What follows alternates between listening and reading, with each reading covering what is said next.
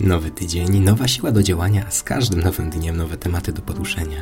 To jest już nie taki znowu nowy program Labirynt, a kłania się już całkiem stary prowadzący, Waldek Graban. Cześć. Korzystając z wolnego czasu, przeglądam sobie internet czytając o różnych religiach. Do momentu, gdy trafiłem na stronę, której adres hmm, podam pewnie na samym końcu, a najlepiej nie podawać go wcale. Nie warto. Dziś chcę powiedzieć o tym, że żeby mówić o religiach, jakichkolwiek, trzeba mieć choć krzte pojęcia o tym, o czym chce się nauczyć swoich słuchaczy, czytelników. Ale to nic. Ważniejsze od wiedzy jest to, żeby w ogóle spróbować przeczytać ze zrozumieniem to, co napisało się na ten temat, bo o poprawieniu błędów ortograficznych na owej stronie to nawet nie marzę. Niby banał? Tak? To przeczytam Wam fragment wypracowania na temat Zaratusztraianizmu, znalezionego na owej stronie. Zoroastryzm, zwany inaczej Zaratusztrainizmem, jest religią staroegipską, której, która powstała wskutek reformy mazdaizmu w IX a VI wiekiem przed naszą erą. Religia ta głosi, iż pomiędzy Bogiem światła, dobra i prawdy, a schódą Mazdą, a Bogiem ciemności, zła i kłamstwa, związanym z materią Angara, toczy się walka jest to religia monoteistyczna, która otacza największą czcią Ahurę Mazdę. Okej, okay.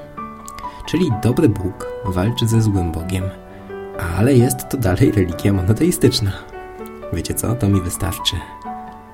A ten artykuł jest bardzo długi. Pomyślałem, że sprawdzę, co autor wypracowania o zoroastryzmie mówi o chrześcijaństwie. Więc włączam mikrofon i zaczynam czytać. Zobaczymy, ile się dowiemy o naszej, w cudzysłowie, religii. Zoroastryzm, zwany inaczej zaratusztrainizmem, jest religią staro... A, przepraszam, miał być o chrześcijaństwie.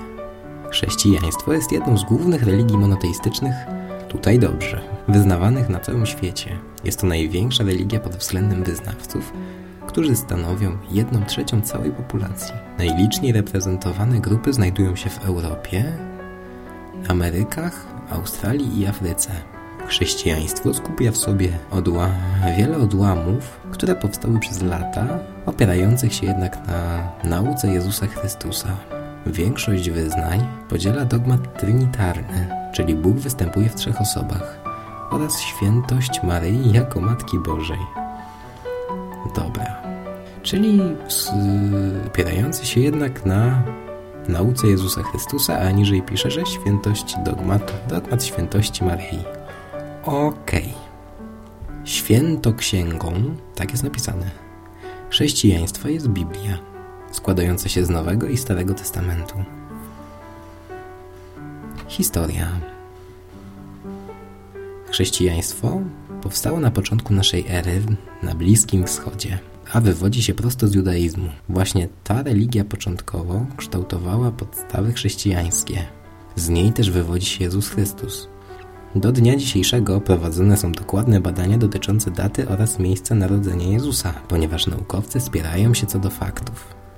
No cóż, chrześcijaństwo opiera się na naukach Jezusa Chrystusa. Nie. Które głosił za życia? No nie. Serio?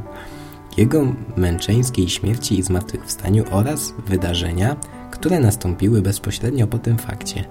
Pierwsi chrześcijanie, chyba jakiś Ślązak pisał, pierwsi chrześcijanie byli uczniami i w nawiasie apostołami Chrystusa, nazywanymi gminą chrześcijańską. Co? Chwilę, chwilę. Gminą chrześcijańską.